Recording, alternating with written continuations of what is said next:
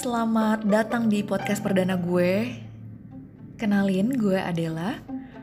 Sesuai dengan judulnya Langkah Oranye, di podcast ini gue akan bercerita tentang suatu hal yang gue jumpai di sepanjang jalan menuju ke beberapa tempat umum dengan berjalan kaki. Gak cuma perjalanan ke kantor aja, bisa jadi pada saat gue ke toko sebelah gitu untuk beli sesuatu atau mencari makan atau lagi jalan santai aja, olahraga kecil. Terus kenapa sih dikasih nama oranye? Karena sesimpel gue suka warna oranye.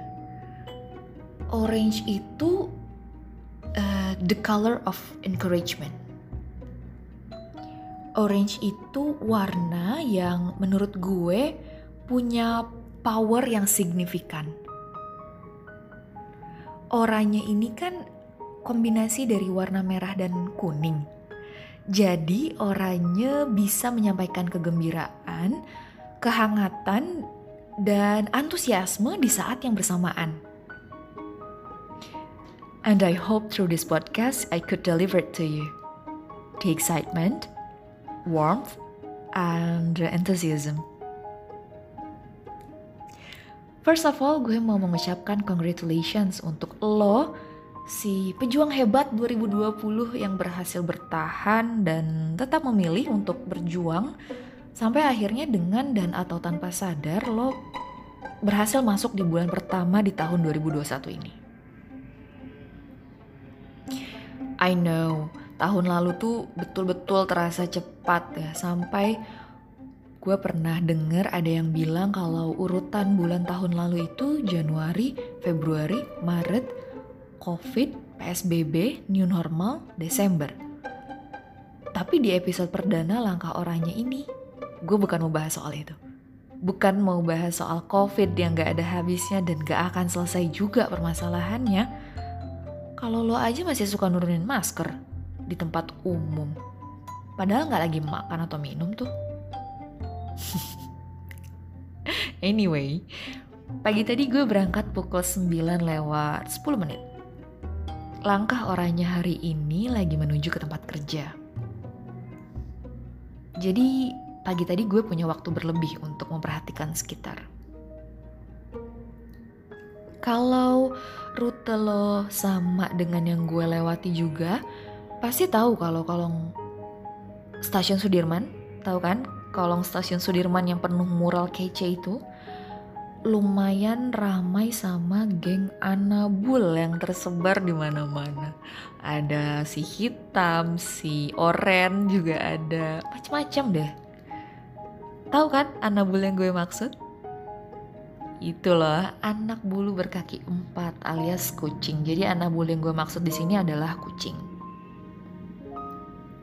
Jujur gue senang banget tiap gue lewat sana, udah ada jejak street feeder yang ditinggalkan baik itu bentuknya dry food atau wet food gitu yang lagi dilahap tekun nih sama mereka. I thank you from the bottom of my heart buat lo yang mungkin salah satu dari street feeder itu. And I'm sure they are more thankful for your kindness. Kalau mereka bisa ngomong, pasti bakal gini bilang. Makasih ya kak, makasih. Semoga harimu menyenangkan. Aduh, heartwarming banget gak tuh?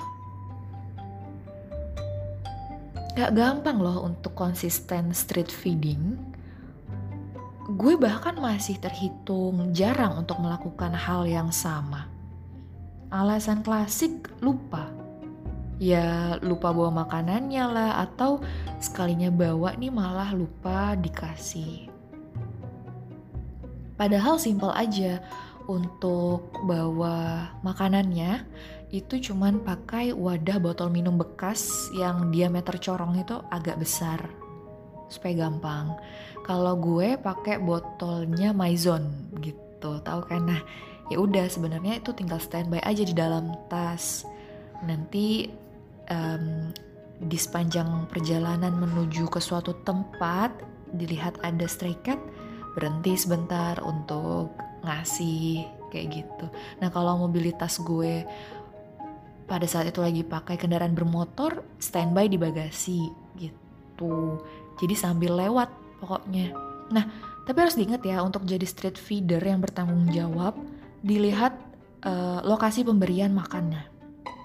Lokasinya tuh gak yang menghalangi atau berantakan, terus banyak yang makanan juga diperhatikan sama kebersihannya. Street feeding itu memang salah satu bentuk kampanye dari komunitas pecinta hewan. Tapi untuk jadi street feeder nggak harus menjadi bagian komunitas. Atau kita ambil analogi lain yang lagi ramai jadi bahan pembicaraan kemarin. E, berbuat baik nggak mesti nunggu untuk jadi orang kaya dulu. Kalau ada yang bilang, kan beli makanan anabul juga harus pakai uang. Jangan salah. Sisa makanan lo yang udah sisa makanan lah ya, itu tuh udah bisa masuk ke dalam kategori wet food mereka ya asal yang nggak pedes rasanya nggak aneh-aneh gitu lo bayangin nih setiap hari anabul ini harus mengisi perut layaknya kita sebagai manusia untuk tetap bertahan hidup ya tapi mereka ini belum tentu bisa dapat makanan yang sama porsinya setiap hari uh, mungkin belum seberuntung anabul rumahan yang sudah teratur jadwal makannya dan nutrisinya juga diperhatikan seperti itu. Nah makanya kalau lo perhatiin keadaan stray cat atau feral cat itu lebih memprihatinkan. Menurut gue apa yang bisa lo dapet dari street feeding itu adalah fulfillment. Ada kebahagiaan tersendiri ketika melakukan itu pesan yang sama nih yang sering nyokap gue sampaikan ketika kita memberi rezeki kita ke calon penerima yang memang lagi menunggu itu tanpa dia meminta. Itu dia fulfillment.